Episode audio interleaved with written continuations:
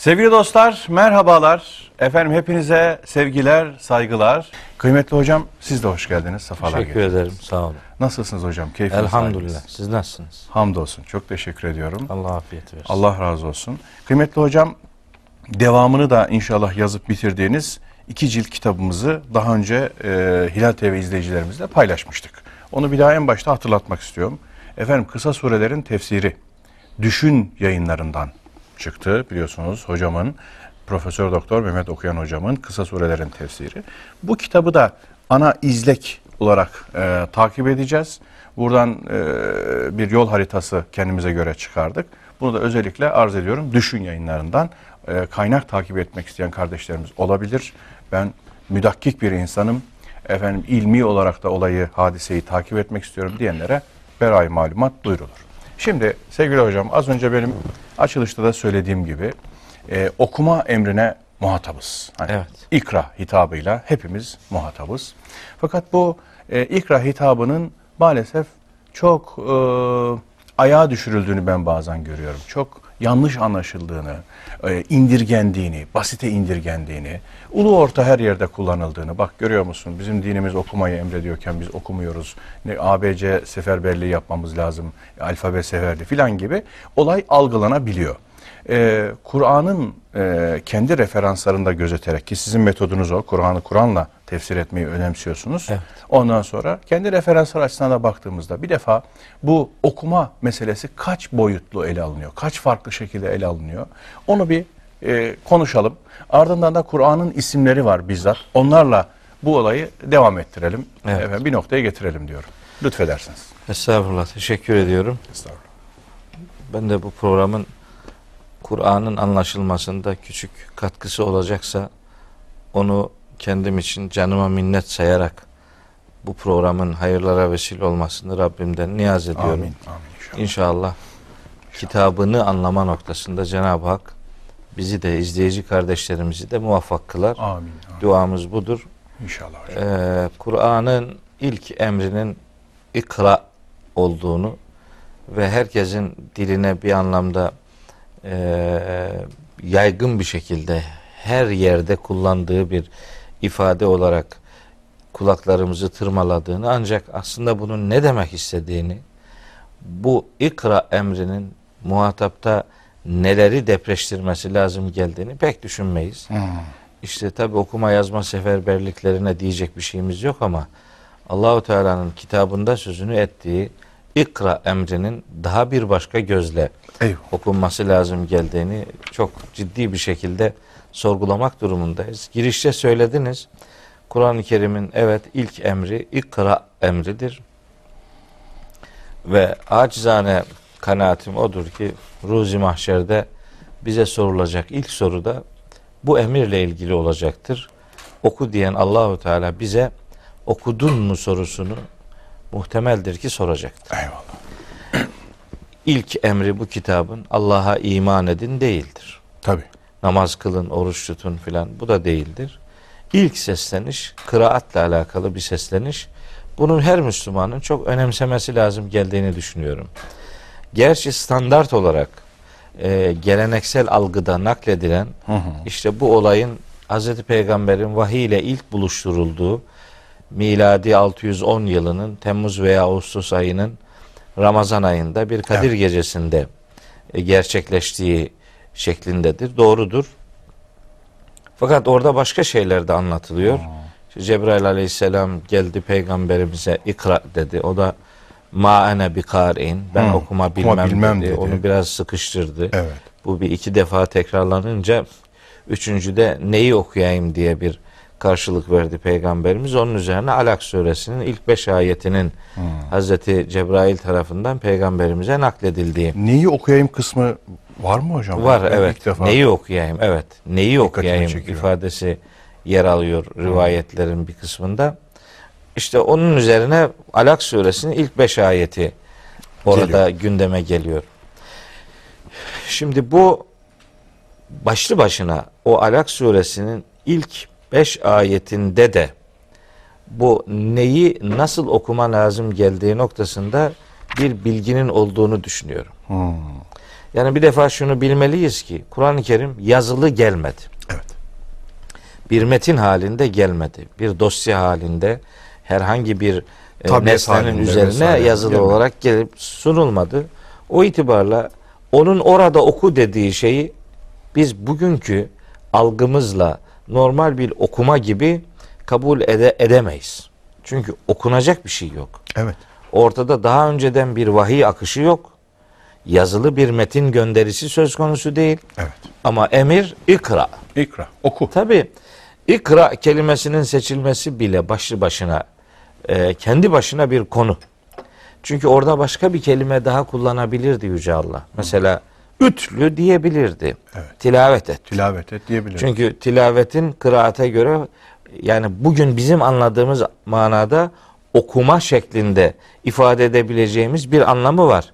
Gerçi onun da anlamı bundan ibaret değil. Onun da farklı anlamları var ama hani ille bugün anladığımız gibi bir mana kastediliyor olsaydı o ilk emir ikra kelimesiyle başlamayacaktı. Ütlü kelimesiyle başlaması daha anlaşılabilir olacaktı. Değil böyle. Şimdi o ayette Yüce Allah buyuruyor ki İkra Bismi Rabbikellezi halak Yaratan Rabbinin adı ile kıraat et. Tabi yaratan Rabbinin adı ile o ile takısı Hı hı. de standart kabul edilen bir e, algının sonucu olarak böyle tercüme ediliyor. Halbuki benim şahsi kanaatim oradaki ba edatının ile anlamı vermeyeceği şeklindedir. Çünkü yaratan Rabbinin adı ile Bismi oku derken ki bağ. bismideki o ba harfinin ile anlamı bağda bu böyle bir anlam var ama bağın tek anlamı bu değil. Evet. Bağın başka anlamları da var. Tabii. O anlamları oraya koyduğunuz zaman okumanın şekli değişiyor. Şimdi Rabbin yaratan Rabbinin adı ile oku deyince siz her neyi okuyorsanız ona besmele ile başlayın anlamı kastediliyor, düşünülüyor. Evet. Doğrudur ona bir şey demiyorum. Tabi he, peygamberimizin de bir hadisi şerifi var. Neye başlıyorsanız hayırlı bir işe besmele ile başlayın diye. Tabii ki Kur'an okumak da çok hayırlı bir iştir. Onun besmele ile başlaması elbette anlaşılabilir bir e, istektir. Evet. Fakat okunması gereken şey bu algının sonucu olarak mesela Kur'an'ın metnini okumak diye Algılanıyor. kli- kli- klişeleşti. Klişeleşiyor. Dolayısıyla metni okumaya indirgenince bu iş işte okumaya her başladığınız zaman besmele demeniz yeterli İmiş, görülüyor. Görülüyor. Öyle anlaşılıyor. Halbuki Cebrail aleyhisselamın peygamberimize gelip ikra emrini verdiğinde peygamberimizin bir iki tereddüt geçirmesi olayını da düşünecek olursak mesela o ba harfine yemin anlamı vermemiz gerektiğini düşünüyorum. Çünkü ba harfi yemin Enteresan. edatlarından biridir. İkra bismi rabbikellezi halak demek bu anlama göre yaratan Rabbinin adına yemin ediyorum. Oku. Evet. O ba edatı bu defa hani bir iki teşebbüsten sonra ayetlerin aktarımı söz konusu olunca anlaşılabilir ki peygamberimiz vahiy ile ilk buluştuğunda Cebrail aleyhisselamı yadırgamış olabilir. Tabii. Tanımadığı, bilmediği, beklemediği bir olayla karşılaşınca için bir tereddüt geçirmiş şaşkınlık, olabilir. Tereddüt yaşamış olabilir. Olabilir bu çok çok insanidir. Çok insani. Öyle olunca bu ba harfinin yemin anlamı vermesi o ile anlamı vermesine göre daha makuldür. Evet. Ama anlam da epey bir değişiyor. Değişiyor. Çok farklılaşıyor. Elbette. Şimdi bakın başka bir anlam daha vereceğim. Bu defa hep değişecek iş. Hı. Şimdi ba'nın bir anlamı daha var. Bu yemin anlamı Evet. bir başka anlamı da sebebiyet anlamı var ba harfinin. Yani Arapçada harflerin kendi cümleye kattıkları birden çok anlam ihtimali vardır. Bu çok anlamlılık örneklerinden biri de ba harfidir, vav harfidir vesaire. Evet. Şimdi buna sebebiyet anlamı verirseniz o zaman cümle şöyle olur. Yaratan Rabbinin adı sebebiyle, yaratan Rabbinin adına, yaratan Rabbinin aşkına oku. Çünkü peygamberimiz ve o günün Mekke'sindeki muvahhid dediğimiz insanlar Allah'a inanıyorlardı. Hatta peygamberimizin Hira mağarasına çıkıp orada ibadete dalmasına tahannüs deniyor. O bir tevhid düşüncesiyle kendisini buluşturduğu bir uzlet hali idi. Ve bunda bir geleneği vardı. Vardı. Daha Ta- öncesinde. Tabii tabii. Onun dedelerinden Nelerinden geliyordu. gelen bir uygulamaydı. o Hanif mensup Haniflik gereği, Gereği. böyle bir ibadet anlayışı vardı. Şimdi onun peygamberimizin Allah'a inanma ve onu tek ilah kabul etme haniflik kabulünün doğal sonucu olarak Cebrail aleyhisselam ona işte yaratan Rabbinin adına, yaratan Rabbinin aşkına, yaratan Rabbinin sebebiyle, yaratıcı olduğuna inandığın o Allah adına oku. bu ikinci bir ihtimaldir. Şimdi anlam daha da bir Daha da bir değişti. enteresanlaştı, değişti. Şimdi bu harfe başka bir anlam daha vermek mümkün. O da zaitlik diye bir kavram var. Ha, ziyade ve fazla oluşu. Evet. Şimdi bu Türkçe'ye bu geçin bu bu zaitlik deyince yani fazlalık, lüzumsuzluk gibi algılanıyor. Gibi algı- Halbuki asla öyle değil. Çünkü Allah anlamsızlıktan ve amaçsızlıktan uzak bir varlıktır. Onun kelamında da anlamsızlık ve amaçsızlık asla söz konusu İsraf değildir. olmaz, fuzuliyet olmaz. Asla olmaz. Orada zait bile dense onun orada mutlaka standart dışı bir konumunun olduğu düşünülmelidir. Hmm. Bismi Rabbike'deki o bayi zait düşünürseniz bu defa ayetin manası şuna dönüşür. İkra bismi rabbikellezi halak İkra isme rabbikellezi halak gibi olabilir. Aa, Bu defa yaratan Rabbinin adını oku. adını oku. Adını Tabii. oku. Yaratan Rabbinin adını okumak demek, yaratan Allah'ın yarattığı varlıklar üzerinde kafa yormak demektir. Hmm. Yaratılana bakarak yaratanı, Yaratanı- bulmaya çalışmak Evet. demektir. Yaratılan İşaret ve izlerinden hareketle onu tanımaya çalışmak Evet. demektir. Siz biraz programın başında söylediğiniz koca bir kainat kitabından söz ediyoruz. Önümüzde devasa bir alem var. Hmm. İşte o alemin okunması aslında o ayette emrediliyor. Çünkü Allahu Teala yani şahsen ben oradaki ikra emrinin bizim şimdi anladığımız anlamda bir okumak manası vermediğini düşünüyorum. Yaratılana bakarak yaratanı bulma anlamında bir zihin okuması, bir akıl okuması, kainatı okumak, Evet. varlıklara sahibine ulaşma duygusuyla yeni bir bakışla göz atma anlamında önemli bir entelektüel okuma biçimi. Entelektüel okuma tabii. Yani kainatı Zihinsel, okuma. kalbi okuma ikisi birden. İkisi birden Entelektüel. yaratılana bakacak, yaratılandan yaratanı düşünecek. Eski tabirle eserden müessire Eserden yol bulmaya çalışacak. Aynen öyle.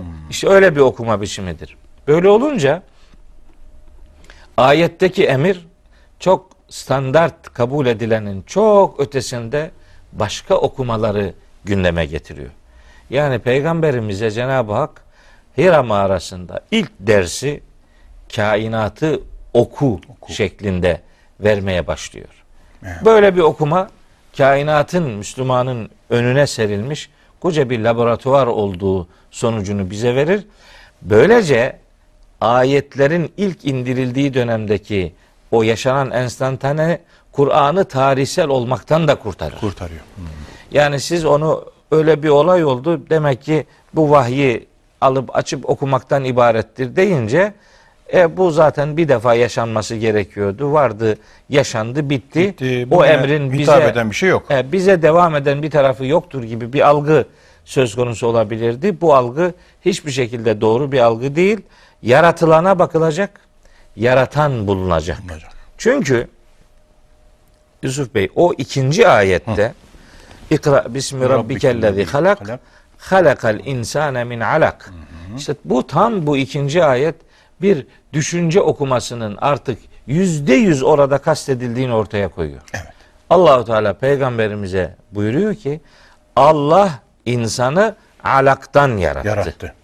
İşte insanın nereden yaratıldığı biliniyor.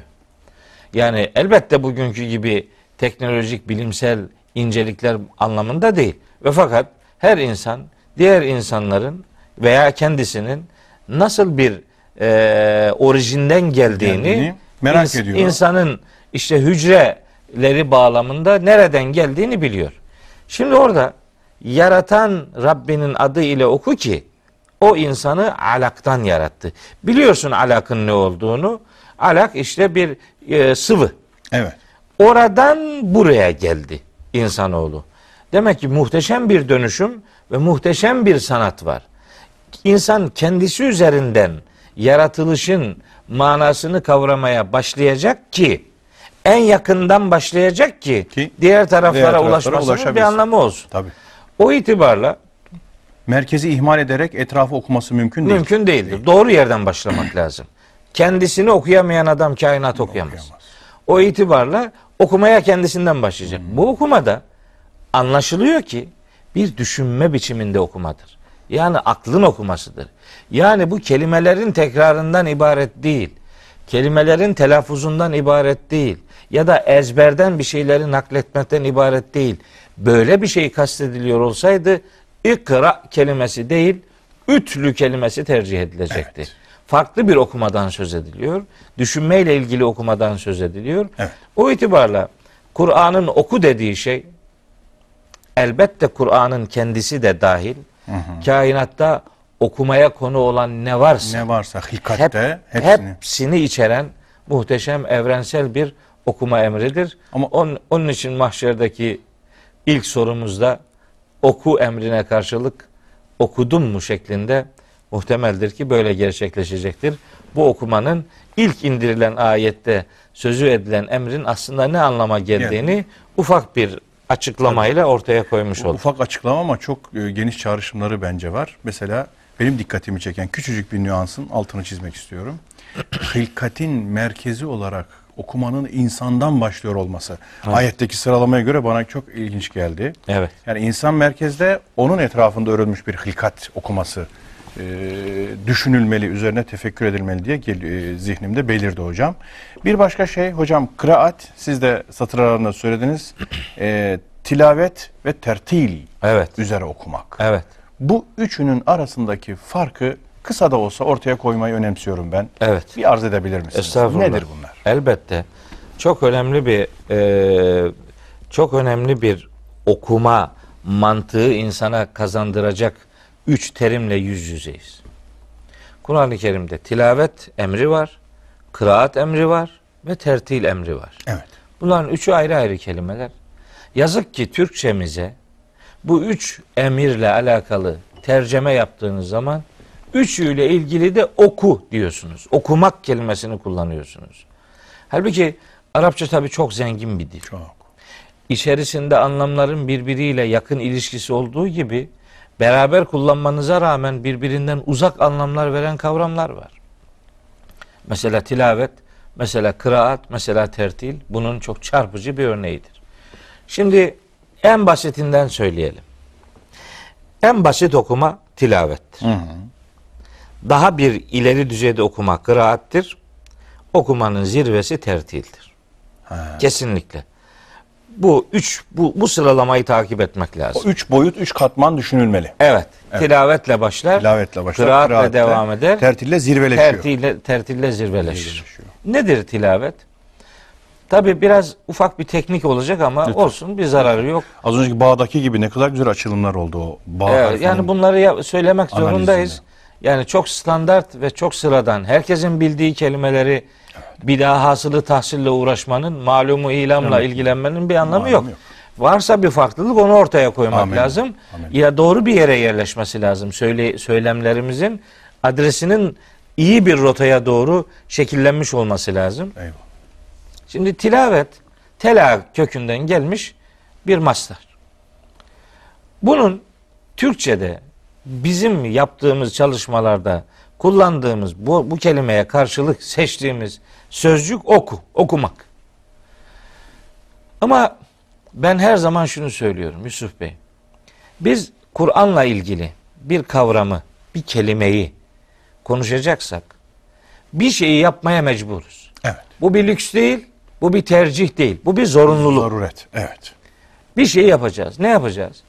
Allah'ın kitabında konusunu ettiği, kullandığı bir kelime ya da kavrama o hangi anlamı yüklediyse biz onunla konuşacağız. Kavramın içini biz doldurmayacağız. Sahibi nasıl doldurduysa Biz onu insanlara aktarmaya, tabii önce kendimiz onu öyle Anlamaya, anlamaya kavramaya çalışacağız. çalışacağız. Bu biz içini doldurmaya başlayınca kavram bir süre sonra tanınmaz hale geliyor. Evet. Kavramlar Kur'an'ın çeşitli yerlerinde, çeşitli bağlamlarda ele alınıyor. Oradan bak baktığınız zaman sizi çaresizliğe itecek bir durumun olmadığını görüyorsunuz. Mesela tilavetle alakalı birkaç tane ayet okuyayım. Lütfen. Bu ayetlerde nasıl farklı anlamların söz konusu edildiği gün gibi ortaya çıkacaktır. Mesela Yüce Allah peygamberimize hitaben çeşitli ayetlerde buyuruyor ki mesela vetlu aleyhim nebe'e İbrahim. He, Vetlu aleyhim işte nebe'e şu peygamber. Evet. Böyle ifadeler Eyüp var. mesela vesaire. Var bir diye. sürü peygamber var. Sen onlara şimdi İbrahim'in haberini Haberini. tilavet et. Tilavet et bu ayette tilavet etmek demek aktarmak demektir. Hatırlatmak demektir. Hatırlatmak, nakil. Nakletmek demektir. İbrahim'in haberini onlara hatırlat. İbrahim'in haberini onların bilmesini sağla. Böylece vahyedilecek bu bilgileri onlara aktar. Evet. Tekrarla. Hı hı. Oradaki tilavet emri bu anlama Bu anlama geliyor. geliyor. Aktarmak, efendim tekrarlamak, söylemek. hatırlatmak. Bu bu. Ama her zaman bu anlamı vermiyor bu kelime. Evet. Şimdi başka bir ayette buyuruyor ki mesela Peygamberimiz En'am suresinin 151. ayeti çok çok önemli mesajların yer aldığı 3 ayetlik bir pasaj var. En'am suresi 151, 152, 153'te. Onların başında 151. ayetin ilk cümlesi şöyle. Estağfirullah. Kul teâlev etlu ma harrama rabbukum aleyküm. De ki onlara gelin Rabbinizin size neleri haram kıldığını tilavet edeyim. Gelin size Rabbinizin neleri Neleri haram, haram kıldığını, kıldığını tilavet tilavet, edeyim. Hı hı. İşte buradaki tilavet etmek demek okumak demektir. Öğretmek demektir. Öbürü hatırlatmak, Hatırlatmak, tekrarlamak nakle- demek. Aktarmak anlamında değil mi? Bu okumak, öğretmek, Öğretmek. demek. Bir tür talim manası da var. Var, evet. Tilavet o ayette ve başka ayetlerde var. Bir şeyin muhataba efendim ulaştırılmasını sağlamak. Evet. Onun ona e, ilgili kavramlarla ilgili, ilgili mesaille ilgili neler söylenmesi gerekiyorsa onları karşı tarafa aktarmayla alakalı. Evet.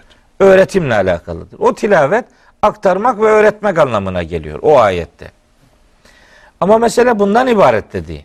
İşte Başka ayetlerde tilavet hep başka bir boyutuyla karşımızda. Mesela Hud suresinin şimdi bir ayetini numarasını söyleyeyim. Orada buyuruyor ki Yüce Allah Hud suresinin 17. ayetinde. Evet hocam. Estağfirullah. Efemen kâne alâ beyyinetin min rabbihi ve yetluhu şahidun minhu. Rabbinden bir belge üzerine olan ve sonra onu da bir şahidin tilavet ettiği adam şunun gibi midir diye devam ediyor. Bu ayetteki tilavet etmek takip etmek demektir. İzini sürmek demektir. Ya. Peşinden gitmek demektir. Bu okumak demek değil. Tekrarlamak demek değil. Hatırlatmak demek değil. Öğretmek hiç demek Hiç değil. değil. Buradaki tilavet etmek demek peşini peşinden gitmek. Peşi sıra gidip Peşi- takip etmek. Evet, takip etmek demek. Çok yalın bir anlam. Başka bir ayette Şems suresinin ilk iki ayetinde bu kavram yine kullanılıyor. Orada buyuruyor ki Yüce Allah ve estağfirullah ve şemsi ve duhaha. İşte güneşe ve onun aydınlığına yemin olsun. Vel kameri aya da yemin olsun. Ne zaman? İza telaha. Güneşi tilavet ettiği zaman. Ay güneşi tilavet, Tilavet ediyor. Tela tilavet etmek Evet, demek. evet. Tabi burada da çok çok net ki o tilavet bizim anladığımız okumak olamaz yani. Mümkün değil. Ay güneşi tilavet ediyor. Ay Nasıl? güneşi tilavet, tilavet ediyor. ediyor. Oradaki tilavet etmek takip etmek demektir. Ay güneşi takip ettiği zaman demek. Evet. Bir yörünge dahilinde Evet. takip ediyor. Takip ediyor. izini sürüyor. Peşinden gidiyor. İşte neyse Aynen. program neyse o programı devam ettiriyor. Belli ki tilavet etmek demek üç farklı anlama gelen bir kavram. Evet. Bir tekrarlamak anlamı var. Tekrarlamak dedik. Yani aktarmak anlamı Evet. var. Bir öğretmek anlamı var. Efendim onu İzini izini takip etme takip anlamı var. Peşi sıra gitmek. Şimdi özellikle izini takip etme anlamından hareketle. Mesela bütün izleyici kardeşlerimizin büyük çoğunluğunun bildiği bir ayeti hatırlatayım. Lütfen. İşte Ankebut suresinin 45. ayeti. Orada Yüce Allah buyuruyor ki peygamberimize hitaben Estağfirullah. Ütülü ma uhiye ileyke minel kitab ve akimis salah. Kitaptan sana vahyedileni tilavet et ve namazı, Namazı kıl. kıl. Kitaptan sana vahyedileni tilavet etmek, onu okumak diye hep hep böyle tercüme ediliyor. Halbuki kitaptan sana vahyedilenin gereğini yerine getir ve bu bağlamda namazı kıl. Aa, Tilavet etmek bir eylemsel okuma biçimidir. çok güzel. Yani Amele bakan bir tarafı var. Elbette. Yani bunu uygulamak için tilavetin öyle önemli bir sonuç itibariyle bize yüklediği bir ödevi vardır. Yükümlülüğümüz vardır. E, kavramı oradan boşalttığınız zaman yani iş sadece bir metin tekrarına ve lafız aktarımına dönüştürüldüğü zaman e, bu kadar farklı kavramın konulması, konuşulmasına ne gerek var? Sorusu ister istemez hatıra geliyor. Veya işte yükleyin bir bilgisayara tabii okusun dursun. okusun dursun. Sen yani dinle. maksat buysa nasıl olsa onlar o maksat gerçekleşiyor diye böyle bir okuma takip edilir. Bu doğru değil. Tilavetle alakalı o son verdiğim ay örneğinden hareketle Hareket. bir şey daha söylemek Lütfen, istiyorum. lütfen hocam. Madem konumuz Kur'an Kur'an. ve onun okunmasıyla alakalı konuşuyoruz. Ay güneşi tilavet ediyor demek. Onu takip ediyor demek. Hatta bu daha başka bir şey demek. Ayın güneşi tilavet etmesi demek. Ayın güneşten ışık alması demektir. Ha, Bir Müslümanın Kur'an'ı tilavet etmesi demek, o Müslümanın Kur'an'dan ışık alması demektir. Siz neyi tilavet edeceğinize iyi karar vereceksiniz. Neyi merkeze alacağınıza iyi karar vereceksiniz. Ay ışık yansıtıcıdır. Işığı yansıtmak için önce ışığı almak lazım. lazım. Ve hangi ışığı yansıtacaksanız o ışığı almanız lazım. Güneşin ışığını almak için yüzünüzün ona dönük olması Çok lazım. Kur'an'ın aydınlığıyla tanışabilmenin yolu ışığı onda aramaktan geçiyor. Onun ışığıyla aydınlanmadan başka tarafı aydınlatmak mümkün değildir, söz konusu bile değildir. Doğru bir adresten aydınlamaya gayret etmek lazım. Tilavetin böyle bir doğru adres belirleme mantığı da vardır. Kıraatle tilavet. Ama ne kadar güzel. Yani aklımızın karanlıklarının, nefsimizin karanlıklarının Elbette. aydınlanması için Kur'an'ın nurundan ve ziyasından istifade amacıyla tilavet etmek. Evet, tilavetin Tilavet- böyle bir boyutu Böyle vardır. bir boyutu var. Böyle anladığımız anlamda böyle birkaç kelime tekrarından ibaret değil. Yani basit bir okuma biçimidir başta söyledim ama çok basit de değil. Kıraate göre daha Evet. daha birinci bir basamaktır. Ama bunun bir üçüncü boyutu var. Bir de Evet. tertil kısmı var. Tertil kısmı var. Hocam bu tertil kısmını e, biraz izleyicilerimizin de e, düşünmesini hesap ederek e, kısa bir aradan sonra Peki. yapalım mı? Orada daha da net konuşalım. Olur. Şimdi bir ara verelim, biraz nefeslenelim, sonra devam edelim. Peki. İnşallah. Sevgili dostlar, okudun mu? Bizim bütün programlarımız, bu programlar vesilesiyle durup durup soracağımız soru budur. Çünkü bu sorunun bütün varlığı, varoluşu ilgilendirdiğini düşünüyoruz. İnsan için hayat memat meselesi olduğuna kaniyiz ve bu kanaatimizi de size buradaki yorumlarla, e, tefekkür çabamızla ortaya koymaya çalışacağız. Şimdi kısa bir ara veriyoruz. Kıymetli dostlar efendim programımızın ismini söyledik. Sizler de gördünüz. Okudun mu?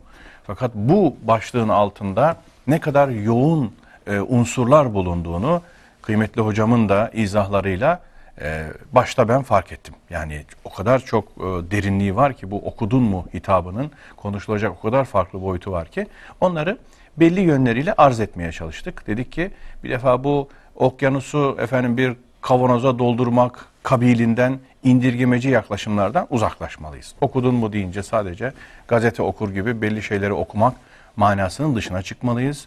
Ee, tilavetten hocam neredeyse 20 dakika bahsetti. Tilavet ardından kıraat ve ardından da tertil üzere okumak ki tertil zirvesidir diye söyledik. Tilavet üzerinde durduk. Dedik ki şu kıraati bir anlayalım. Nedir kıraat şeklinde tarzında okumak? Ardından da tertili kısaca bir çerçeveleyelim. Yolumuza oradan devam edelim. Hocam buyurunuz lütfen. Evet Yusuf Bey tilavet üzerinde uzun uzadıya durduk. Eyvallah.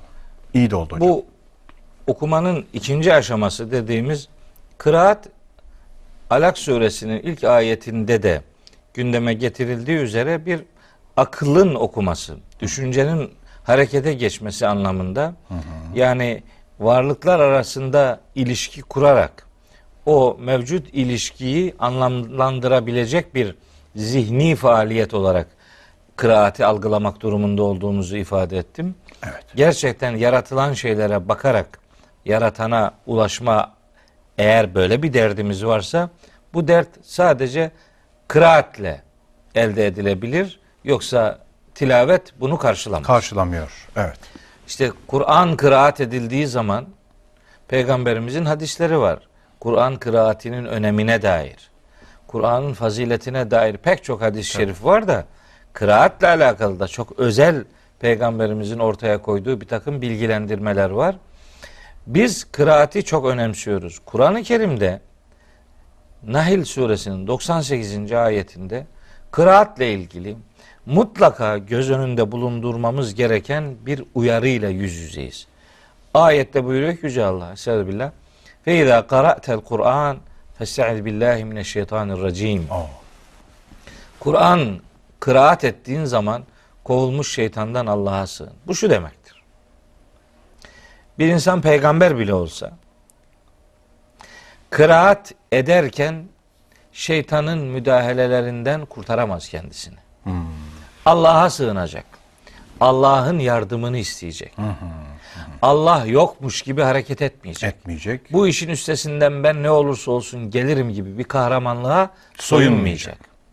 Burada peygamberi bile Allah'a sığındırtan şey kıraattır.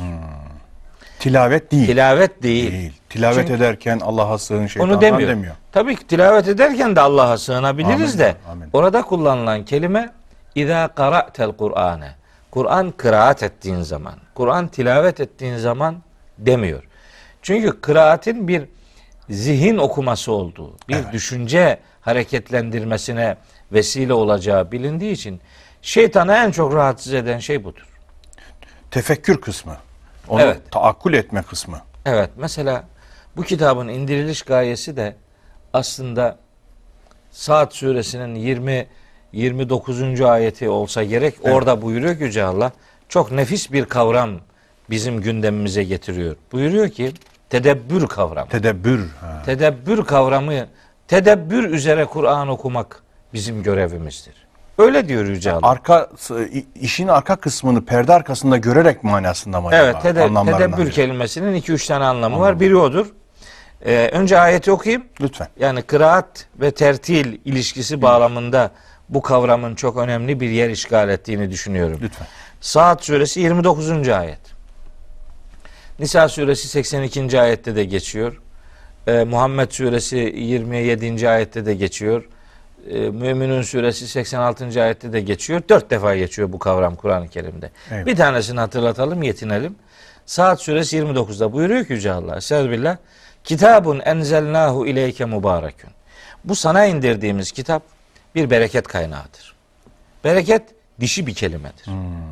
Bu bir fikir üretmesine medar olan, bir zihin üretimi Çok güzel. o insana Üretime, kazandıran- çoğalmaya müsait. Müsait, evet. Yani Yani doğurgan değil. bir kitap. Doğurgan. Bunun anlamları sürekli canlı canlı tutulan, hatta anlamının inişi devam eden bir kitaptır bu. Çok güzel. Mübarek bir kitaptır mesela. Olunca teberrük kısmı devreye Yani giriyor. ya saygı değer oluyor. Saygı değer oluyor. Yani hatta en saygı değer olana en çok dokunulmaz nitelendirmesi yakıştırırız. Siz bu vurguları yaptıkça ben ne nasıl bir zihin ça- çarpılmasına muhatap olduğumuzu esefle düşünüyorum. Zihnimiz çarpılmış. Evet yani işte mübarek kelimesi Mübarek kelime. bereketten türetilmiş bir kelime. Bu bir dişi bir kelime.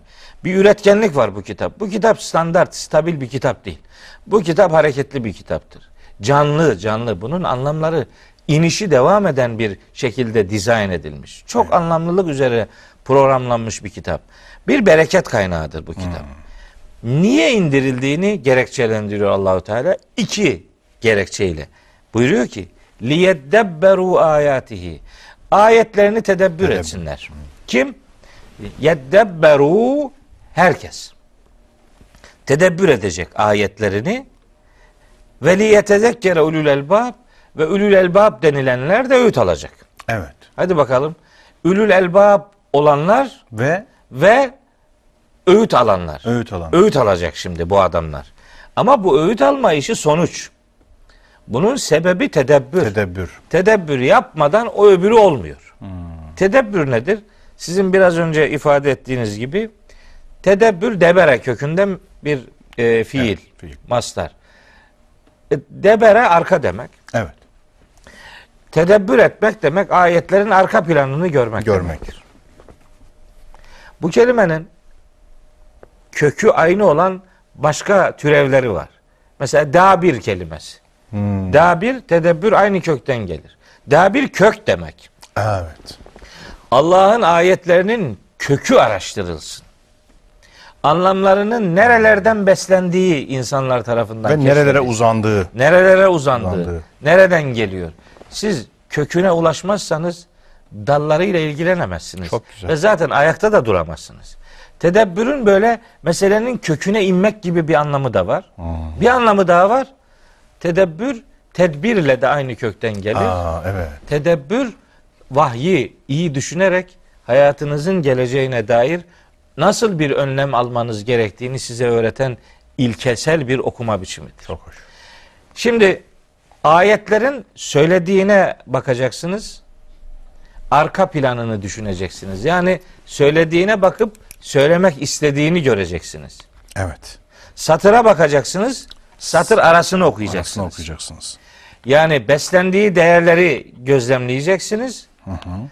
Geçmişten beslenecek, hayatı kavrayacak ve geleceğe doğru önlem alan daha doğru, daha istikametli bir duruşun sahibi olacaksınız. Öngörü kazandıracak size Evet, bugünkü buna, tabirle. bunun adına feraset diyorlar. Feraset. Feraset. Feraset diyorlar. O ferasetle ilgili de bir bir hadis var. Çok yanlış tercüme edilen bir hadis. Onu da aktaracağım. Lütfen. Yani madem öngörü dediniz aklıma geldi. Allah'ın nuruyla bakmak meselesi. Evet, ben değil mi? onu O çok öne- önemsiyorum. Çok kullanılıyor. Yani e, anlaşılmadan geçiştirildiğini düşünüyorum. Ama anlamadan Evet. onu söylemiş gibi e, üzerini örtüyoruz. Kesinlikle onu da bir konuşalım hocam. Bayağı çok güzel önemsiyorum. olur, İyi olur. Bu tedebbür onunla çok yakından alakalı. Şimdi tedebbür edecek adam. Ne olacak sonra? Veliye tezekkere öğüt alacak. Hı. Tezekkür Kur'an'ın isimlerinden biri zikra, tezkiredir. Evet. Zikirdir. Evet. Tezekkürle o aynı kökten gelir. Evet. Kur'an zikirdir yani hatırlatmadır. Siz birine bir şeyi hatırlatıyorsanız aslında o şeyi ona daha önce bir söylemiş olmanız lazım. Tabii. Söylemiş Zihninde olacak ki tekrar Ha, hatırlatıyorsunuz. evet hatırlatmanın Olmayan bir şey hatırlatılmaz. Ha, anlamı ancak o zaman e, devreye girer. O bilmeden bir şey ona hatırlatılmaz. Ona bir şey önce öğreteceksiniz. Ondan sonra. Sonra hatırlatacaksınız. Tezekkür böyle bir yoğun çalışmayı gerektiren ve o zihnimizin altyapısına işlenen o ana bellekte olan bilgilerle buluşma eylemidir tezekkür. Bu da tedebbürle elde ediliyor. Bu tezekkürü kim gerçekleştirecek? Ulul elbab. Ulul elbab. Ulul elbab demek sağduyu sahipleri demek. Öyle tercüme ediyoruz. Elbab lüb kelimesinin çoğuludur. Öz. Öz. Çekirdeğin kabuğunun içindeki öz. Bir Müslüman Kur'an'la uğraşacaksa, Kur'an'ı anlamaya çalışacaksa kabuğuyla değil, özüyle, Kışırla değil, özle uğraşacak. öz öze ulaşacak. Öze ulaşacak. Öze ulaşmadan tedebbür olmaz. Çok güzel. Ulul elbab budur yani. Evet, ülül elbab o demek. Çekirdeğin içini, içiyle ilgilenen ve asıl derdi gözlemleyip oradan öğüt almayı başaran adamlardır. Tedebbürü gerçekleştirenler. Kıraat böyle bir eylemdir. Çok güzel. İçini deşeceksiniz. Köküne ineceksiniz. Diyeceksiniz. Arka planını göreceksiniz. Böylece bunun sizden hayata dair neler istediğini daha iyi kavrayacaksınız. Tedebbür böyle bir okumadır. Kıraati böyle tamamlayan önemli bir kavramdır. Eyvallah. Bunu böyle yaparsanız işte Tedbir yani çeki- olursunuz. He, tezekkürü gerçekleştirir. Tezekkürü gerçekleştirir. Ulul elbab e, safına katılırsınız. Kat, katılırsınız. Katılırsınız. Evet. Harika. Böylece kabukla ilgilenenler değil, özüyle meşgul olanlar safında yer alırsınız. Demek ki bu bir iddiadan ibaret değil. Bu bir fikir işçiliği gerektiriyor.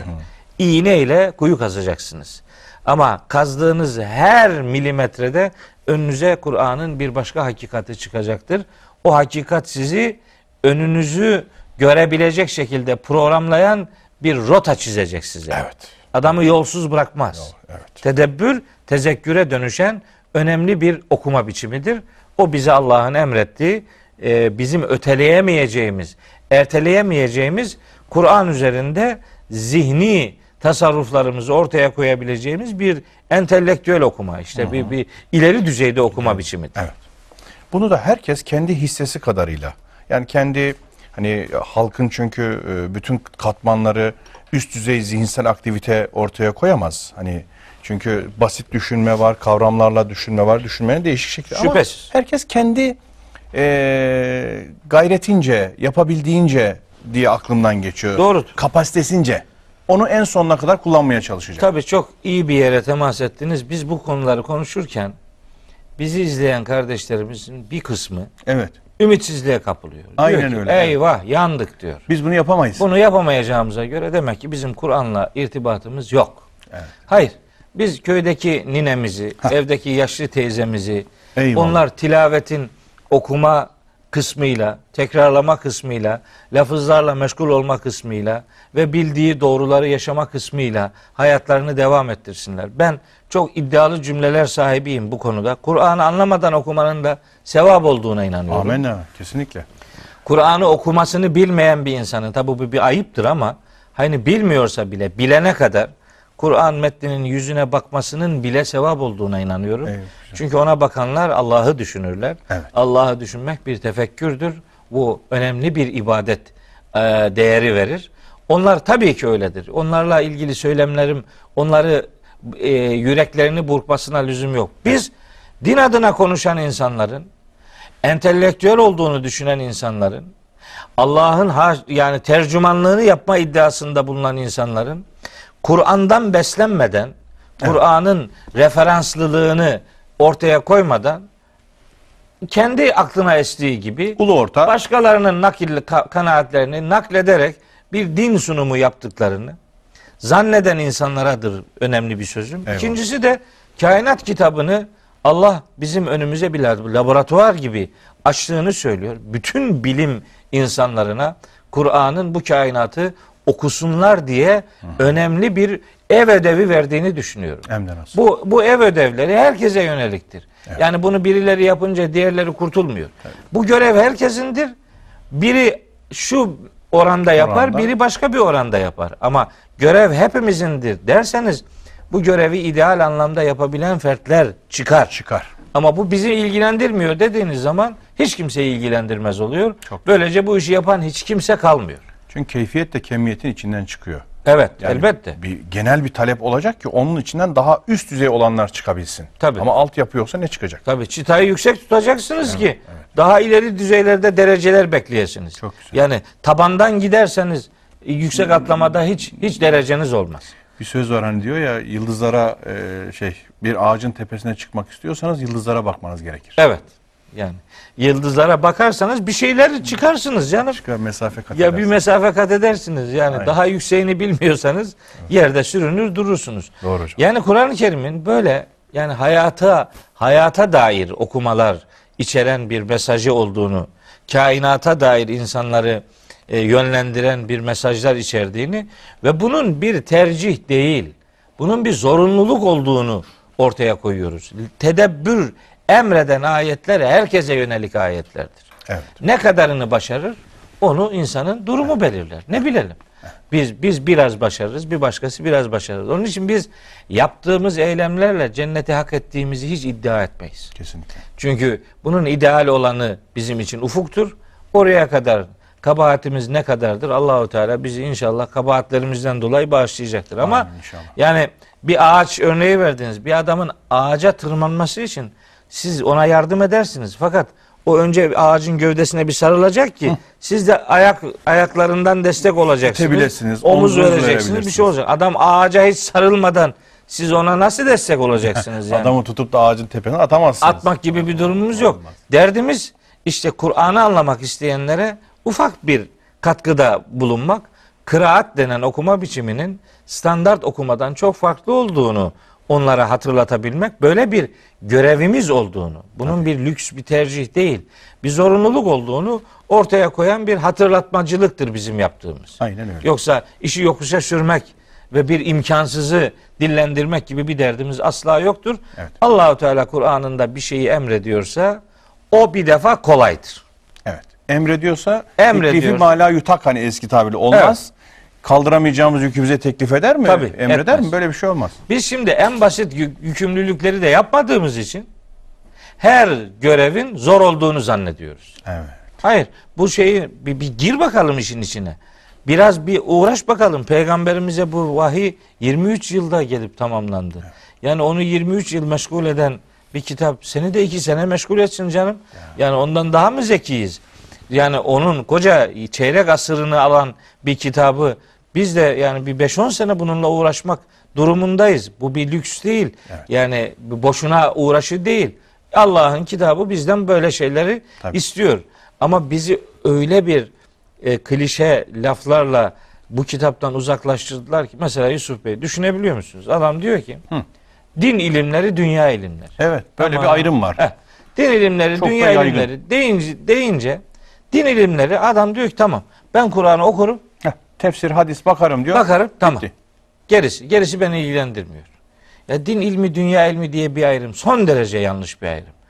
Bizim dinimiz dünyayı ihmali hoş gören bir din değil. Bu kitap kainata gönderme yapan bir kitaptır.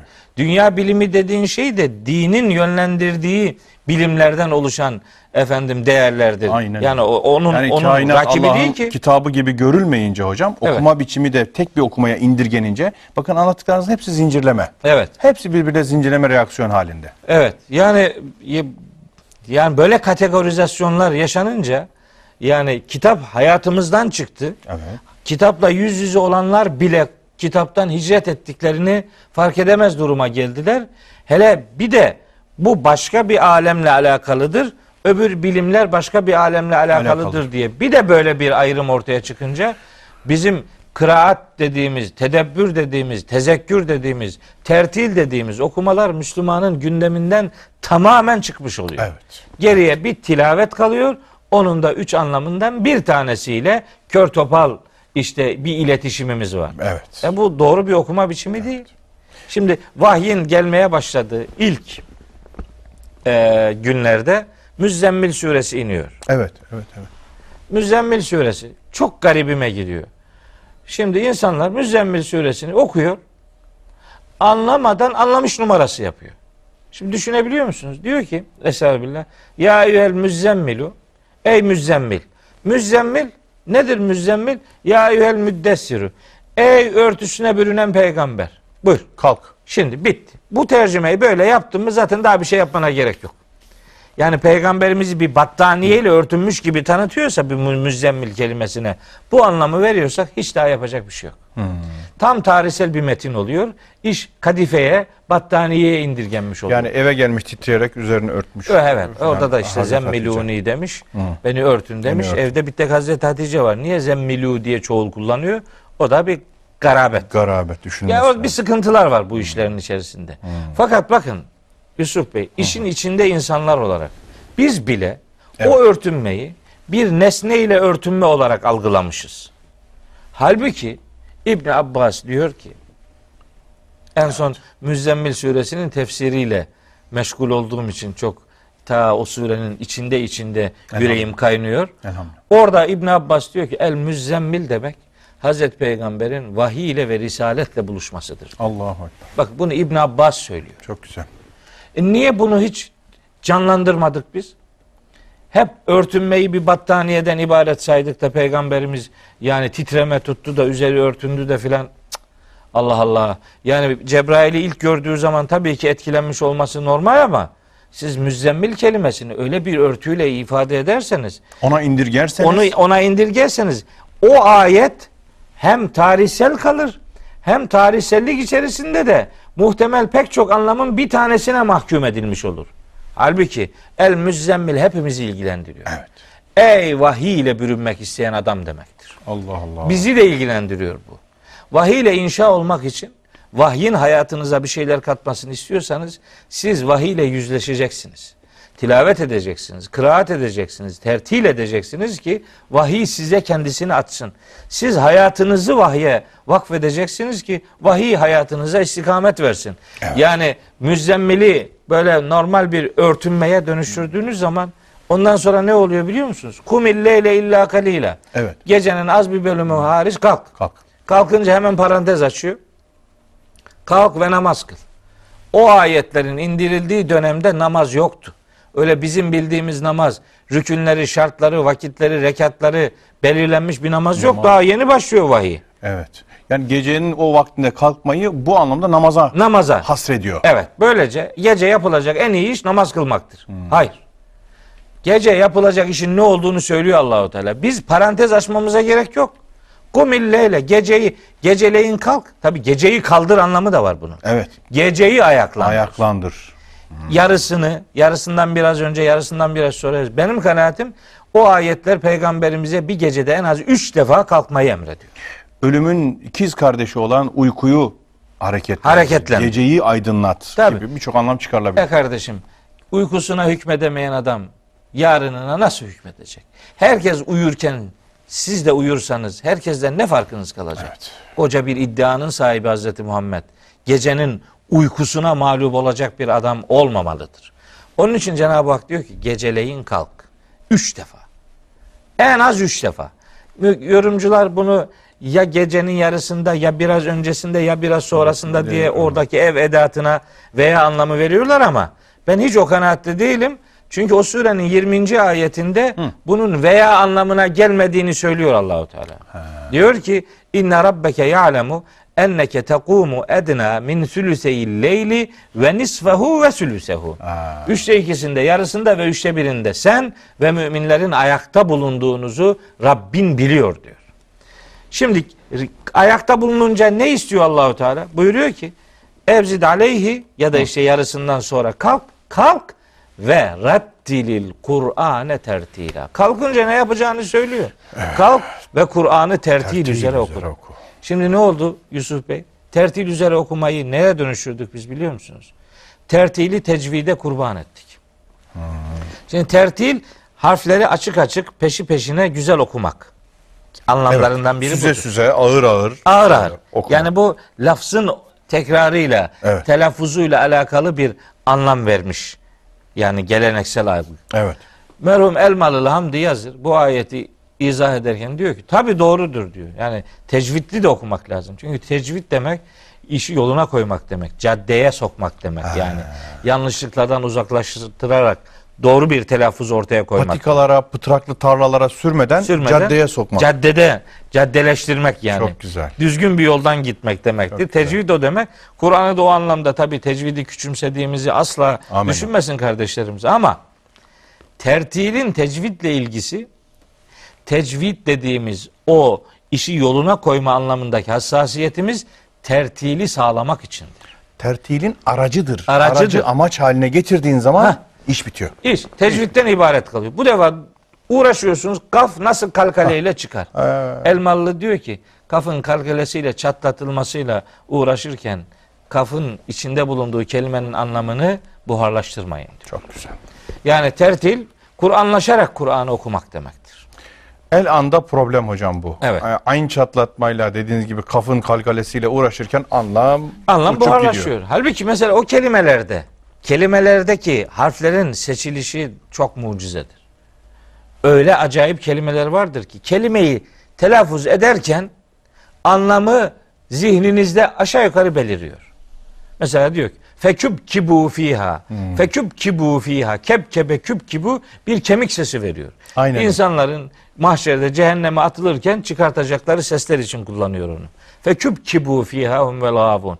Kelimenin kendisi de anlamını hissettirecek bir e, telaffuza sahip. Sesteşlikten çıkıyor. Çıkıyor. İşte Nas suresini okusunlar. Bir fısıltı, bir vesvese zaten Yuvesvisu şey değil mi? Evet. Fi sudurin nas. Ellezî e, kul eûzü bi rabbin nâs melikin nâs ilahin nâs min şerril vesvasil hannâs ellezî yuvesvisu Sepsele. fî sudurin nâs minel cinneti ven nâsi böyle fısıltı bir vesvese şeyi zaten hissediliyor. Çok güzel. Elbette bu anlamda tecvid önemlidir. Hiç ona diyecek bir şeyim yok. Ama mesele tecvitten ibaret değildir.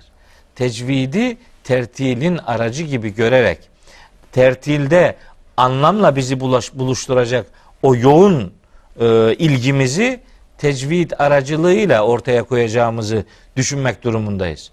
Ama meseleyi tertil üzere Kur'an okumak, hadır üzere Kur'an okumak, yani okumadaki e, diyelim ki dakikaları Evet. e, işin içerisine katarak tertili asıl anlamından uzaklaştıran bir anlam kayması yaşanıyor. Program başında söylemiştim. Kavramlara Kur'an'da Allah'ın yüklediği anlamlar üzerinden kavramları tanımaya İçini gayret boşaltıp lazım. kendimiz yüklediğimizde kendimiz dolduruyoruz. hiç zımadan çıkıyor. O zaman o zaman Müzzemmil suresinin ilk ayetlerine de gece kalkınca namaz kıl diyor. Gece kalkınca yapılacak iş tertildir. Tertil Kur'anlaşarak Kur'an okumak demektir. Evet. Hücrelerinize yedirerek Kur'an okumak demektir. Yani hayata Kur'an'ın bak dediği yerden bakmaktır. Eyvallah. Hayatı Kur'an'ın istediği gibi yaşamak. Onu onu insanın yüreğine yerleştirmesini, yazmasını sağlamaktır. Onun için tertil kıraatten daha öte, Öte, bir üst. hakikati, daha üst bir okumayı ifade eder. Kur'anlaşarak Kur'an okumak. Ben bu bu kelimeyi özellikle kullanıyorum. Sanki şöyle bir şey aklıma geliyor bilmiyorum doğru mu? Yani hem e, kıraati hem e, tilaveti tertilin içine de e, dahil ediyor. İkisini üç ikisini birden de kapsıyor Elbette gibi bir anlam da çıkıyor. Hiç şüphesiz bu kavramların üç Tertil- tanesi birbirinden bağımsız şeyler değiller. Birbiriyle iç içe. İç içe. İç içe. Kompartıman gibi ayrı değil yani. Değil hayır. Değil. Tertil üzere Kur'an okuyan adam aslında tilaveti de yapan adamdır. Kıraati de yapan, yapan adamdır. adamdır. Harika. Ama mesele tilavet ve kıraatten ibaret değil. Bunun bir tertil boyutu da var. İşinizi okumanızı oraya yönlendirin ki böyle bir okuma biçimi insanın yüreğinin Kur'an'la buluşmasını sağlayacak. Öyle diyor Furkan suresinde Allahu Teala. Kafirler diyorlar ki peygamberimizin Kur'an'ı uydurduğunu düşünen kafirler diyorlar ki ve kalu ve kalellezine keferu levla nuzzile aleyhi'l Kur'anu cümleten vahide. Kur'an'ı buna topluca indirilseydi ya Bir kere de bir, indirilebilir. bir gelseydi kedalike. Diyor ki Yüce Allah haklısınız. Böyle de olabilirdi yani. Ama öyle olmadı. Niçin? Linüsebbite bihi fuadeke. Yüreğinizi dayanıklı hale getirmek için. Ve rattellahu tertila. Onun için bunu yavaş yavaş size aktardık. Kur'an'ın inişi 23 senede tertil üzere yavaş yavaş gelmiştir.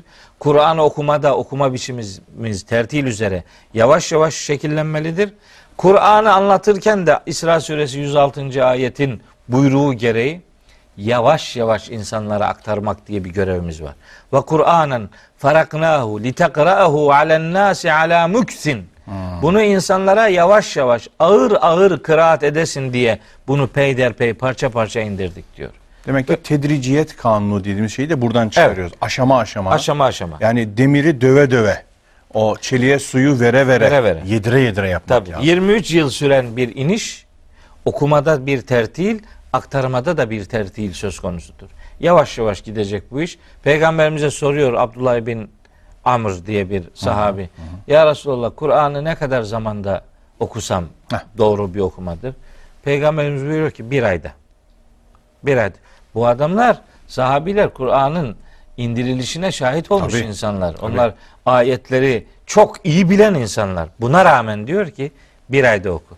Ya Resulallah daha az zamanda okuyabilmeye imkanım var. Tamam diyor o zaman 20 günde. Daha da yapabilirim diyor. 10 günde oku diyor. Daha da yapabilirim. Bunun üzerine buyuruyor ki İkra'aha fi seb'in ve la tezid aleyhi. Tamam diyor. 7 günde en çok 7 gün. Daha aşağıya indirme bu işi kıraat anlamını kaybetmesin. Kıraat orada çünkü hitapta da kıraat. Kıraat. İkra'aha. İkraha. Kur'an'ı veya ikra'hu Kur'an'ı oku fi seb'in 7 günde ve la tezid aleyhi. Artık bu, bunu daha da aşağıya indirecek bir atırım yapma. Kıraat böyle bir okuma biçimidir. Yani düşüne düşüne. Hele ki bunu bilenlere yönelik bu ifade. Tabii. Ya Muhatap biz olmuş, şahit olmuş. Onlara söylüyor. Ya bizim için? He. Şimdi ben mesela Ramazan mukabelelerini de bu hadisle buluşturmaya çalışırım. Yani Ramazan'da bir ayda mukabele okumak, Peygamberimizin aslında Kur'an'ı bir ayda okuyun e, efendim isteğini de bir çeşit karşılıyor. Tabi mukabelenin asıl mantığında vahyin indirilişinde her yıl gelen vahiyleri kontrol Evet, aa, evet, mantığı da var. vardır. Şüphesiz ama bunun böyle bir tarafı da vardır. İşte biz de inşallah Kur'an'ı yavaş yavaş anlatacağız insanlara. Daha çok şeyi e, çorba yapmaktansa daha az şeyi daha düzgün ifadelerle daha net bilgilere, kalıplara dökerek kardeşlerimize ulaştıracağız ki ancak bir tertil üzere Kur'an okumanın efendim küçücük bir imkanını elde etmiş olur, oluruz. Yani, yani çok karıştırarak işi götürmek de çok doğru değil. Çok doğru değil. Gayet net hocam Allah razı olsun. Çok vazıh oldu. Ee, özellikle bu programda Kur'an'ın o oku hitabının ne olduğunu, oku hitabının zımnında, arkasında neler, altında neler barındırdığını çok geniş çağrışımlar ele aldık. Ee, kıraat, tilavet ve tertil üzere okumanın ne anlama geldiğini. Evet. Gerçi vaktimiz kalsaydı e, Kur'an'ın bilhassa isimleri üzerinde de durmayı arzu ediyordum. Fakat e, belki bir sonraki programımızda kısaca e, bir girizgah yaparız o isimlere. Ardından da inşallah Fatiha e, suresine başlarız hocam. İnşallah. Fatiha suresini elimizden geldiğince konuşmaya çalışırız. E, bugünlük bu kadarlıkla iktifa etmek durumundayız. Bir başlangıç yaptık. Çok teşekkür ediyorum. Rica ederim. Sağ olun. Eksik olmayın. Kıymetli dostlar, okudun mu diye başlayan bu programımızda bugün okumanın ne idüğünü efendim arz etmeye, konuşmaya, masaya yatırmaya çalıştık elimizden geldiğince. Bir sonraki programımızda inşallah karşınızda olacağız. Bunları düzenlice takip etmenizi bendeniz e, tavsiye ediyorum. Çünkü bir sistem takip edeceğiz. Bir yerden başlayıp bir yere doğru kademe kademe, yavaş yavaş gideceğiz. Bunu da özellikle bilmenizi istiyorum. Burada da yol haritamızı bilmek istiyorsanız tekrar arz ediyorum. Kısa surelerin tefsiri. Profesör Doktor Mehmet Okuyan hocamın eseri. Ee, şu anda iki cilt halindedir. Efendim üçüncü di- diğer cilde gelmek üzeredir. Ee, Düşün yayınlarından özellikle söylüyorum. Bugünlük bu kadar. Tekrar görüşmek üzere. Allah'a emanet olunuz. Okumakla meşgul olunuz. Olalım diyoruz efendim. Hoşçakalınız. Sevgili dostlar merhabalar. Efendim hepinize sevgiler, saygılar. Allah'ın selamı, rahmeti, bereketi üzerinize olsun diyoruz. Bugün de Hilal TV ekranlarında okudun mu diye sorabilmek için huzurlarınızda yerimizi almış bulunuyoruz. Hilal TV'nin e, kendine özgü bir internet sitesi var biliyorsunuz. Orada video arşivi kısmına baktığınızda oradan da takip etmek mümkün.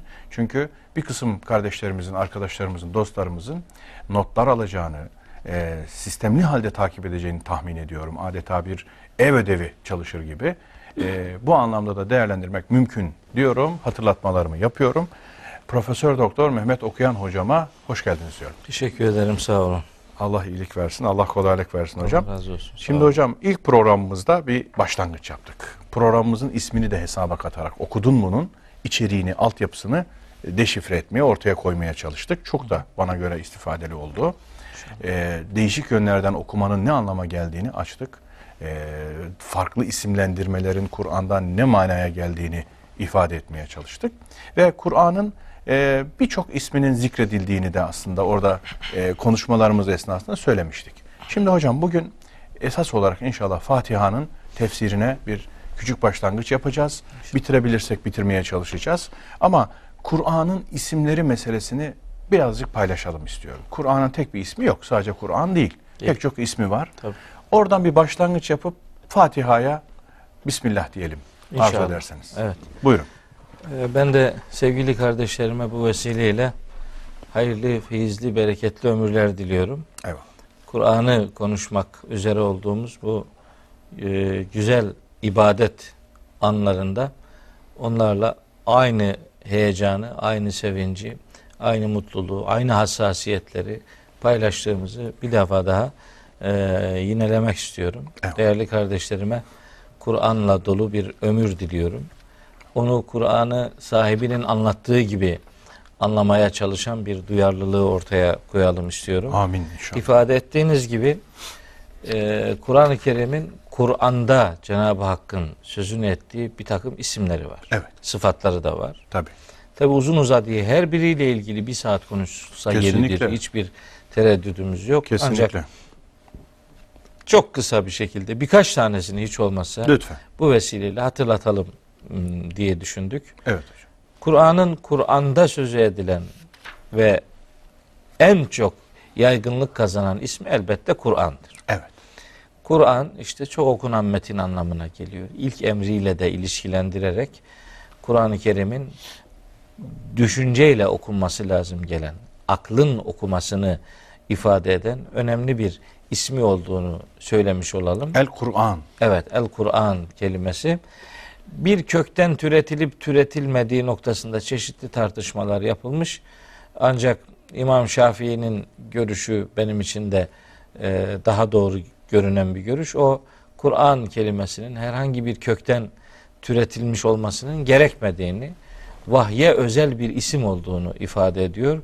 Hatta bir teknik tabirle bunun mürtecel olduğunu söylüyor. Hmm, irticalen. Mürtecel kelimesi başında eliflam bulunan bir kelimeden türetilmemiş bir orijinal kelime diye kabul edilen bir Mürtecel. ifade. Hı hı. Ben de Kur'an'ın o öyle bir kelime olarak kabul edilmesi gerektiğini düşünüyorum ama diğer kanaatleri de öyle yabana atılır görmediğimi de ifade edeyim. Evet. Kur'an, kıraat, okumak filan bu iş bunlar kelimeyle doğrudan ilgili kavramlardır. Ee, ama her okunan şeye Kur'an denmediği için dolayısıyla Kur'an'ı bir özel bir isim olarak kabul etmenin daha doğru olduğunu Doğru. düşünüyorum. Doğru. Ama ne olursa olsun okumayla alakalı bir ismi var Kur'an'ın. Okunması gereken ilkeler toplamı e, ifade ettiğini düşünüyorum. Kur'an'la iletişimimiz onu okuma şeklinde mutlaka tecelli etmelidir. O okumanın da zihni okuma, yürekten okuma, gönülden okuma, düşünceyle okuma anlamında bir fikir üretimine dönüşen bir eylem olması gerektiğini, kelimenin verdiği anlamın da bu olduğunu öz, geçen derste özellikle ikra emrinin ne anlama geldiğini detaylandırarak ifade ettiğim o özelliğini kelimenin e, Kur'an'ı anlatma noktasında bilmemiz gerektiğini düşünüyorum. Eyvallah. Bir ismi bu. Bir ismi Kur'an. Kur'an. Evet hocam. Başka bir ismi kitap. Kur'an-ı Kerim'in e, Kur'an'da en çok zikri geçen ismi kitaptır. Bu bazen kitap diye gelir, bazen el kitap diye El kitap. gelir. E, bu kelime Tevrat içinde kullanılır Kur'an-ı Kerim'de ama çok büyük bir yoğunlukla Kur'an için kullanılır. Daha en başlarda onu Zalikel kitap. Evet mesela Bakara başlar. suresinin hemen başında Zalikel kitabı oradaki el kitap işte Kur'an'dır. Başka da bir sürü örneği var. 200'den fazla yerde geçiyor. 200'den Evet. fazla. Oo. El kitap kelimesi en yoğun kullanılan Kur'an ismidir. O kelimenin e, başka bir çeşit algılanması gerektiğini düşünüyorum. Nasıl hocam? Tabii kitap işte bilgilerin dizildiği, bir araya getirildiği bir bütünün adıdır. Ketebe işte yazmak, bir araya getirmek gibi anlamları var. Kitap da zaten bilgilerin derlenip toparlandığı kaynak olarak ifade edilir. Kur'an'ın kitap oluşu eski ilahi vahiyleri bünyesinde bulundurması anlamında bilgilerin içerisine toplandığı o bütün ilahi mesajların Derc edildi. derc edildiği kaynak anlamında bir e, inceliğinin olduğunu düşünüyorum. Ayrıca Neml suresinde bu kelime iki defa kitap kelimesi iki defa Hazreti Süleyman'ın Belkıs'a yazdığı Mektup. mektup için Allahu Teala kitap kelimesini kullanıyor. Hmm. E, Neml suresinin ayet numarasını söylemek istiyorum. Lütfen. E, ayet numarası Neml suresi 1'i 28, 1'i 29. 28-29. Hazreti Süleyman yazdığı mektubu işte veriyor ulağa bunu işte Belkıs'a götür diye. Orada kullandığı kelime İzheb bi kitabi hada. Evet. Bu benim kitabımı işte götür. Oradaki kitap kelimesi mektup anlamına geliyor. Bu kesin. Evet, evet, evet. Hatta Tabii. 29. ayette Melike diyor ki galet ya eyyuhel mele'u inni ulkiye ileyye kitabun kerimun. Bana çok değerli bir kitap, Kitap gönderildi. gönderildi. Oradaki kitapta mektup demektir. Buradan hareketle yani Hmm. Kur'an'da kitap kelimesinin mektup anlamında kullanıldığı bu iki ayetten hareketle ben Kur'an'ın Allahu Teala'nın insanlara gönderdiği son mektubu olduğuna çok inanıyorum. güzel. Kur'an ilahi bir mektup Rabbani, Rahmani bir mektuptur. mektuptur. Ve Allahu Teala'nın insanoğluna gönderdiği en son seslenişidir. Son mektuptur. Çok güzel. İnsanlar mektubu niye okurlar? Bir mesaj elde etmek için. Mektubu niye gönderirler?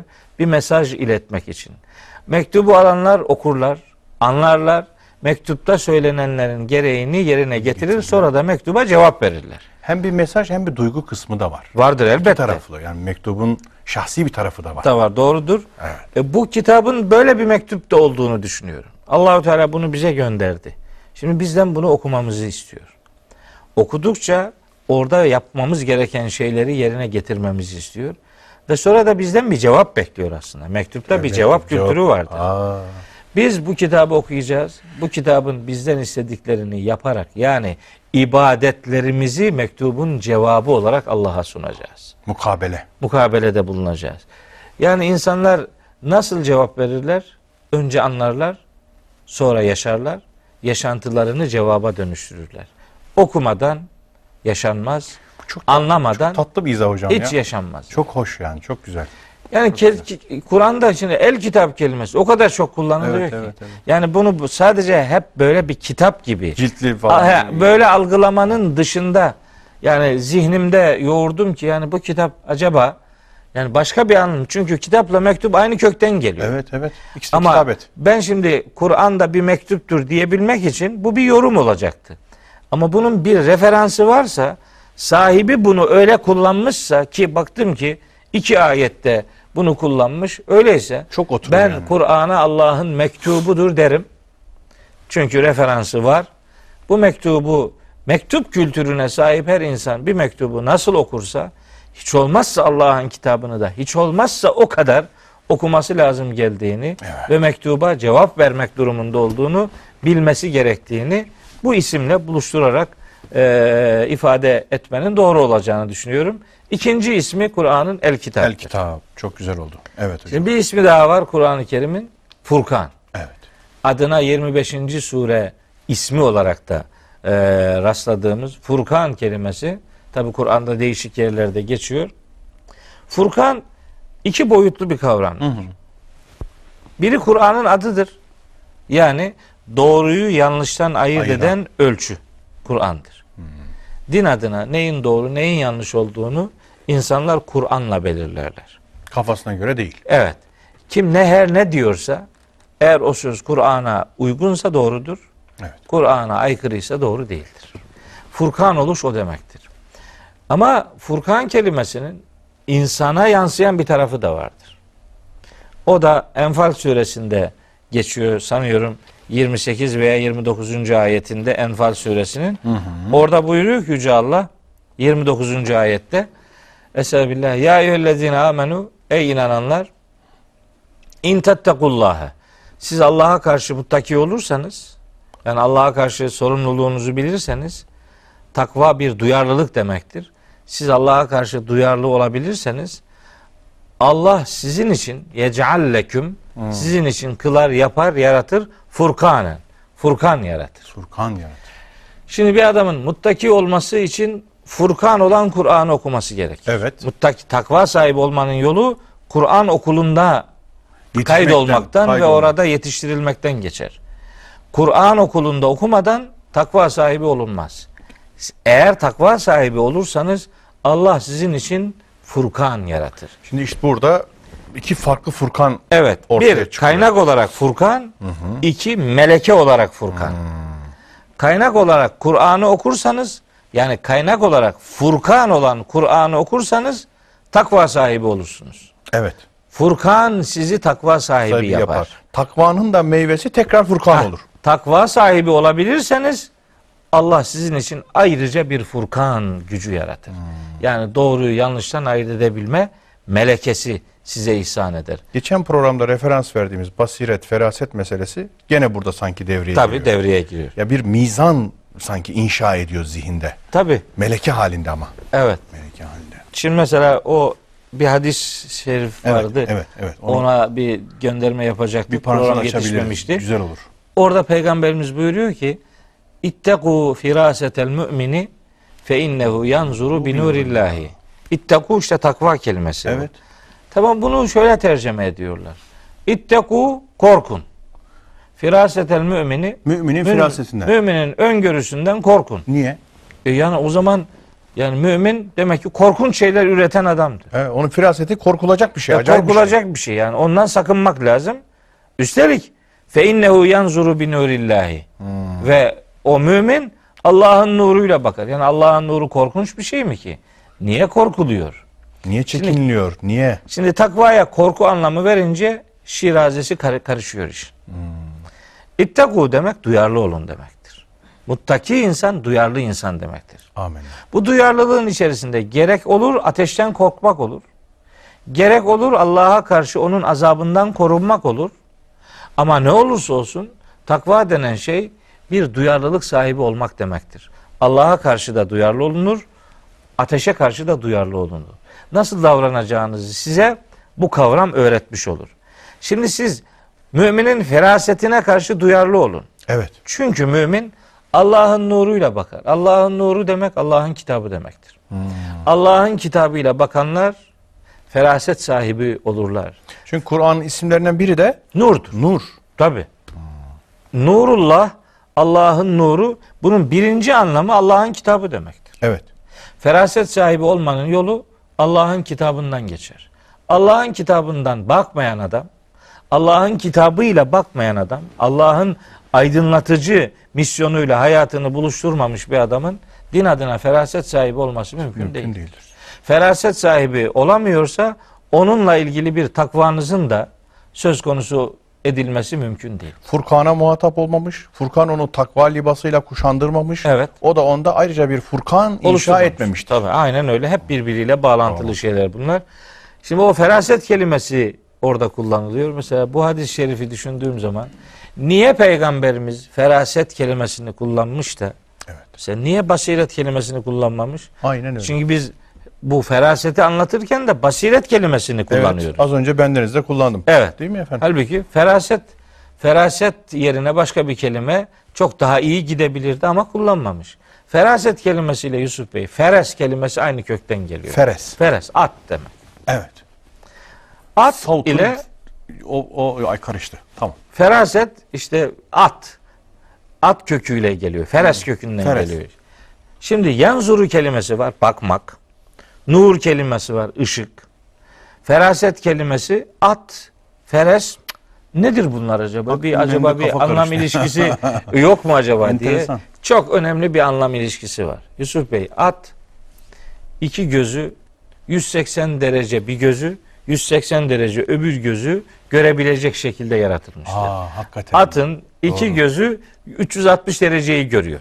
O yüzden at gözlüğü takarlar at ki gözlüğü takarlar ki arkaya ve yanlara dikkati dağılmasın sadece öne baksın. öne baksın diye. Şimdi at gözüyle, at gözlüğüyle bakmamayı önerir Kur'an. Evet. Ama at gözüyle bakmayı önerir. Çok güzel. 180 derece görüş açısı. 360 Yani derece. siz geçmişe bileceksiniz. Günü kavrayacaksınız. Hazırı Şimdiyi bileceksiniz, geleceğe bakacaksınız. geleceğe bakacaksınız. Buna feraset derler. Üç boyut, üç zaman diliminde kuşatacak bir bakış açısını Evet. kuşanmak. İşte onun adı ferasettir. Atın bakışı da böyle bir şeydir. Onun için feraset kelimesinin seçilmesi çok manidardır. Çok güzel hocam ya. Bir feraset Allah sahibi olsun. olmak Allah'ın kitabını bilmekle mümkündür. Allah'ın kitabı insana geçmişi öğretir, hali kavratır, geleceğe istikametle e, yürütmeyi sağlar. O itibarla feraset muhteşem bir değerdir. O değeri de insan ancak Kur'an'ın nuruyla elde edebilir. Furkan sahibi olmak takva sahibi olmanın sonucudur. Takva sahibi olmak Furkan olan Kur'an'ı bilmenin sonucudur, yaşamanın sonucudur. Yaşamanın sonucudur. Hepsi birbiriyle yakın anlam ilişkisine sahip kavramlar. Onun için Furkan Kur'an'ın muhteşem bir ismidir. Hz. Musa'ya verilen değerlerin biri de Furkan'dır. Ve idâ ateyna Musa'l kitabe vel furkane. Onun da Furkan'ı vardı Hazreti. Hazreti Musa'nın da Furkan'ı vardı. Hazreti Musa'ya kitaptan ayrı verilen Furkan onun Tevrat'ı yorumlama biçimiydi. O Furkan kitabın sonucudur. Bizim dediğimiz Furkan kitabın adıdır. Adıdır. Ama bu adla iyi buluşan, bu adın oluşturduğu, inşa ettiği akıl Faris. ayrıca bir olur. Furkan sahibi kılar adamı. Bu din adına muhteşem bir değer. Çok güzel. Allah'ın kitabı olmadan Furkansız takva, takvasız Furkan olmaz. Biz din adına neyin doğru, neyin yanlış olduğunu eğer gerçekten bilmek istiyorsak bir tane yolumuz var. O da Furkan olan Kur'an'ı kavramaya gayret etmektir. Eyvallah. Bunun canlanmış bir hali nedir? O Hazreti Peygamber'in hayatıdır. Ona bakarsınız. Furkan nasıl orada canlanmış onu orada görürsünüz. Bizzat tatbikatını Tatbikatını görürsünüz. Kur'an'la sünneti yan yana getirirsiniz. Sünnetin Kur'an'ın uygulama biçimi olduğunu gözlemlersiniz. Sonra o iki değerden aslında iki değer değil bir değerdir o. Kur'an ve sünnet at başı giden iki rakip değil. değildir. Biri işin teori kısmıdır, öbürü uygulama kısmıdır. İkisi bir tanedir yani. Evet. Siz onları kendinize örnek alırsanız sizin de Furkanınız olur. Yani hayat istikameti sağlamış olursunuz. Kur'an'ın üçüncü ismi de bu. Hocam merakıma bağışlayın. Bir satır arası olsun sadece. Ee, basiret daha biyolojik bir görmeyi mi e, acaba ifade ediyor? Biyolojik derken yani Söyleyeyim. Hemen O söyleyeyim. Ferasetle basirete şimdi zihnim takıldı da o yüzden. Evet, ediyorum. söyleyeyim. Bakın Kaf suresinde çok güzel bir pasaj vardır. Surenin 6, 7, 8, 9 ve 10. ayetler. Hatta 11. ayete kadar. Evet. Şimdi Kur'an-ı Kerim'de bir şeyleri görme anlamında zikir kelimesi kullanılır, nazar kelimesi Nazar. kullanılır, feraset kelimesi kök itibariyle vardır, bir de basiret kelimesi vardır.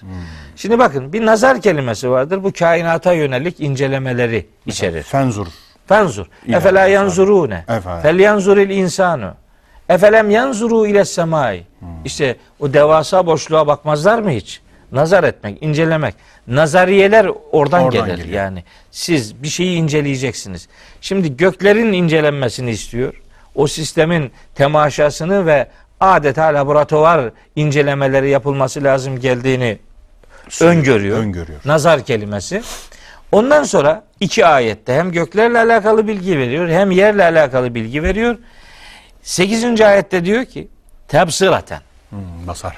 Bir, basiret sahibi olsun insan. Basiret gözlemle elde edilen değerdir. Basiret. Görerek elde edilen. Bunun öğüde dönüşmesi zikradır. Tebsiraten ve zikra. Siz önce inceleyeceksiniz. Laboratuvarsa laboratuvar, gözlemse gözlem neyse onu yapacaksınız. O hem nazardır hem basiret. Hem basirettir. Bunun sonucunda elde edilen kazanım Zikra. zikradır, tezekkürdür. Ferasetle bir anlam ilişkisi, e, feraset belki burada zikrayı daha çok karşılayabilir. Ama basiretin böyle fiziksel bir Fiziksel gözlem bir yönü. yapma Aynen boyutu vardır. Nazar kelimesiyle bu anlamda bir ortak e, kullanım e, ilişkisi vardır Rahat. diyebiliriz. Allah razı olsun. Çok net oldu hocam. Evet. Şimdi El Furkan var. Dedik. Birkaç tane daha En Nur'u biraz konuştuk. Nur. Evet. Bir de ruh var galiba. Heh, evet, ruh var. Ruh var. Ruh var. Ruhu çok önemsiyorum. Kur'an-ı Kerim'in isimlerinden biridir bu. Evet. Şura suresinin 52. ayetinde geçer. Çok açık. Estağfirullah. Ve kederlik evhayna ileyke ruhan min emrina. İşte böylece biz sana katımızdan bir ruh vahyettik. Hmm. Kur'an'ın bir ismi ruhtur. Hatta Kadir suresinde bir ruh Evet, kelimesi geçiyor. O da Kur'an'dır aslında. Melaiketi ve ruh. Ha, tenezzelül melaiketu ve ruhu fiha. Bunu Cebrail olarak algılı, algılıyorlar. Halbuki tenezzelül melaiketu el melaike kelimesinin içerisinde zaten Cebrail de var. O da melek. Oradaki ve ruhu vahiy demektir.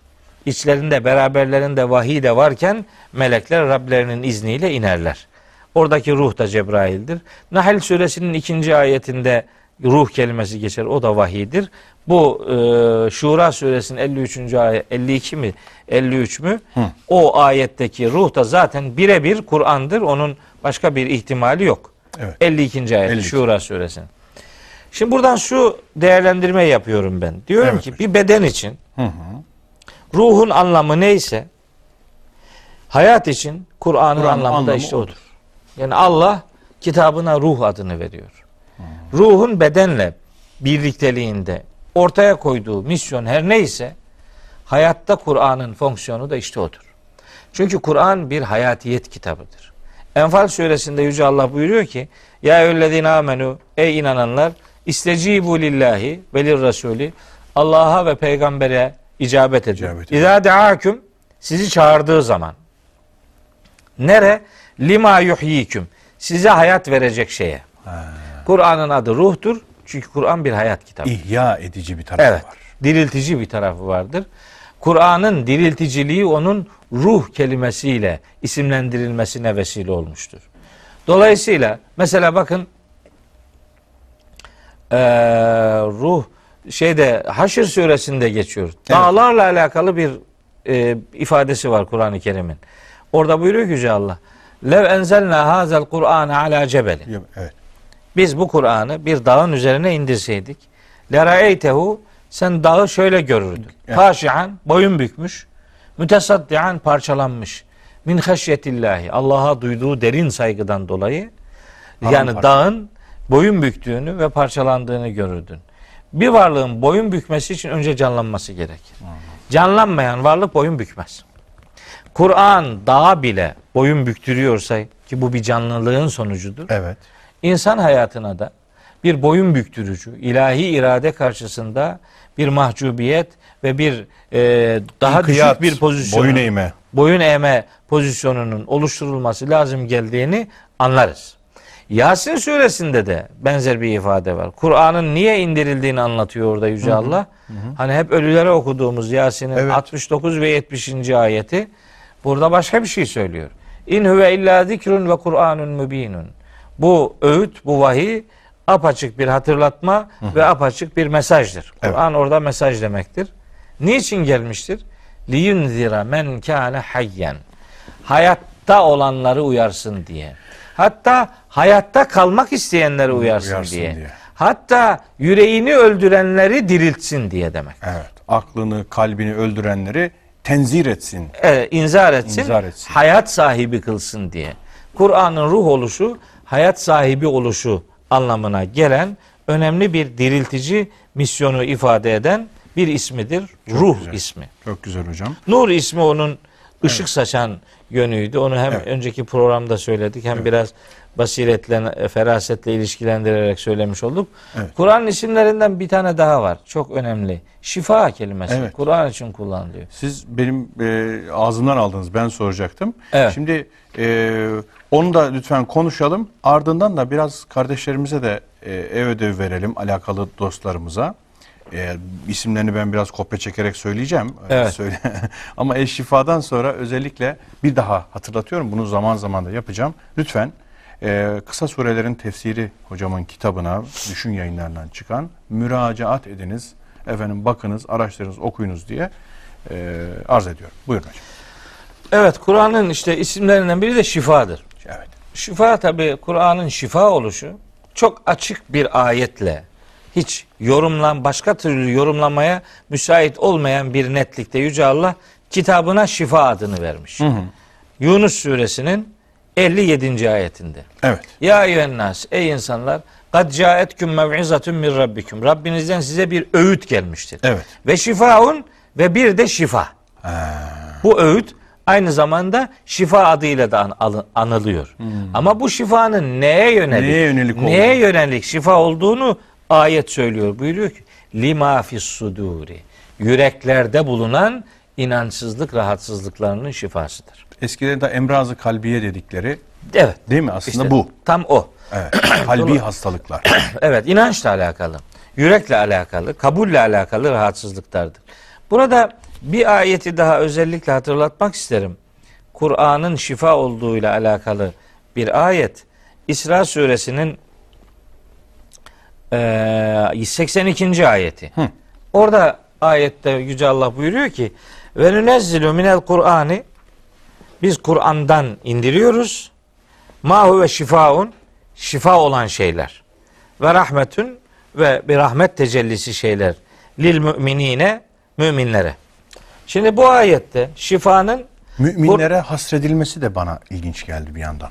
evet Lil müminine. tabi o e, rahmet kısmıyla ilişkilendirebiliriz onu. Neticede müminlerin de şifaya ihtiyacı var. Tabi şimdi bu sorular hep aklıma başka şeyler getiriyor Çağrıştı. Yusuf Bey. Hiçbir zararı yok. Onlarla ilgili de konuşalım. Doğru. Mesela e, burayı bir bitireyim hemen Tamam, o soruyu ondan cevaplayacağım. cevap konuşalım. Kur'an burada Kur'an'dan şifa indirdik. Genel algıda şöyle bir şey ifade ediliyor. Kur'an'da özel böyle maddi hastalıklar için şifa, Şifa. ayetleri var. Aynen öyle. Böyle algılanıyor. Böyle algılanıyor. Halbuki bu 82. ayeti Yunus suresinin 57. ayetiyle beraber algılayacağız. Kur'an'ın tamamı şifadır. Ama bu şifalık bedensel rahatsızlıklarla alakalı değil. Değildir. Yüreklerle alakalı bir şifadır. Kur'an'ın hepsi şifadır. Bir kısmı değil. İnsanlar tabii psikolojik yürek sıkıntıları çekiyorlarsa Kur'an okumayla rahatlayabilirler. Oraya benim orada hiçbir tereddütüm yok. Varsın insanlar Allah'ın mesajının yüreklerini ferahlatması için onunla iletişim halinde olsunlar. Hiç onun bir sakıncası yok. Ancak Kur'an'ın şifa oluşu hele ki kalplerde bulunana şifa oluşu demek yani Kur'an bir kardiyoloji kitabıdır demek değil. Değil. Yani kalp spazmı geçiren adam kardiyolojiye gidecek. Ona hatim yapmayla bu iş olmaz. Ayağı kırılan adamın gideceği yer ortopedidir. Yani yani hatim yapmayla o ortopedik rahatsızlık Yani giderilmez. insan kitabından çıkarılan ilme müracaat ediyor. İyi, müca- evet o da Onun- onun neticede icabı, o da. en direkt olarak gene bu kitabın Gene. işaret, et- işaret ettiği yerlerdir. Dolayısıyla kitabın müminlere şifa oluşu hani niye müminlere şifadır? Size daha çarpıcı olanını söyleyeyim. Hemen Bakara suresinin başında. Elif la eselbillah. Elif la mim. Zalikel kitabu la raybe fihi huden lil. Muttakin. Bu kitap muttakilere hidayet kaynağıdır. Evet. E zaten adam muttaki olmuşsa hidayet üzeredir. Evet. Ne gerek var yani? Olanı bir daha oldurmaya ne gerek var? Ben bunu sporcu diliyle örneklendiriyorum Yusuf Bey. Nasıl acaba? İnsanlar bir müsabakada lider olmak ya da şampiyon olmak için antrenman yapmalıdırlar. Antrenman yapmadan şampiyon olunmaz. Tabii. Ama şampiyon olmak kadar şampiyon kalmak da çok önemlidir. Aa, Şampiyon kalmak istiyorsanız antrenmana devam edeceksiniz. evet. Antrenmana devam etmezseniz şampiyonluğunuz bir dakika sonra gider. Evet. Muttaki olmak için Kur'an'a ihtiyaç vardır. Doğrudur. Ama muttaki kalmak için de Kur'an'a ihtiyaç vardır. Mü- Mümin olmak çok önemlidir. Mümin kalmak çok daha önemlidir. Mümin ölmek hepsinden daha önemlidir. Mümin ölmek için mümin kalmak gerekir. Hüsnel hatime meselesi. Evet, değil mi olması yani? için bunlar bir yani bizim Kur'an'a ihtiyacımız hiçbir zaman bitmez. Hmm. Bazıları işte bu ayetlerin hükümleri yani böyle işin başında olanlara yöneliktir. Bizi fazla ilgilendirmez gibi işte ibadetlere karşı böyle biraz soğuk davranan yaklaşımlar ortaya Daha, koyuyorlar. daha da ileri ifrat hani ibadet bizden sakıt olduğuya kadar E işte bazı filozoflarda, filozoflarda görülür böyle şeyler. var. Yok işte bu hiçbir şekilde doğru değildir. Bunu sporcu diliyle unutulmasın diye öyle çok net güzel örneklendiriyorum. oturuyor. Şampiyon olmak için çalışmak gerekir. Şampiyon kalmak için daha çok çalışmak gerekir. Çünkü Kur'an'ın onlara da söyleyecekleri vardır. Muttaki kalmak için Kur'an'a hava kadar su kadar muhtacız. Bunu özellikle Huden lil söyleyeyim. muttakin Evet. böyle anlaşılabilir. Hidayet akışı, hidayetle irtibat devam edecek ki Tabii. biz muttaki kalmaya devam edelim. Evet. Antrenman devam edecek ki şampiyon olarak kalmaya Devam devam, edelim. Evet. Gayet net. Hocam e, bir ara vermemiz lazım. Peki. Arayı verelim ondan sonra da uygun görürseniz Bismillah Fatiha diyelim. Tamam inşallah. Uyar mı hocam? Olur efendim. Hadi bakalım. Evet sevgili dostlar e, klasik televizyoncu artık biliyorsunuz jargonudur. Hep öyle kullanır. Bizden ayrılmayın falan diye. Efendim biz bizim şahsımızla alakalı bir şey değil bu. Vahiden ayrılmasın. Vahiden ayrılmayın evet. Devam edeceğiz.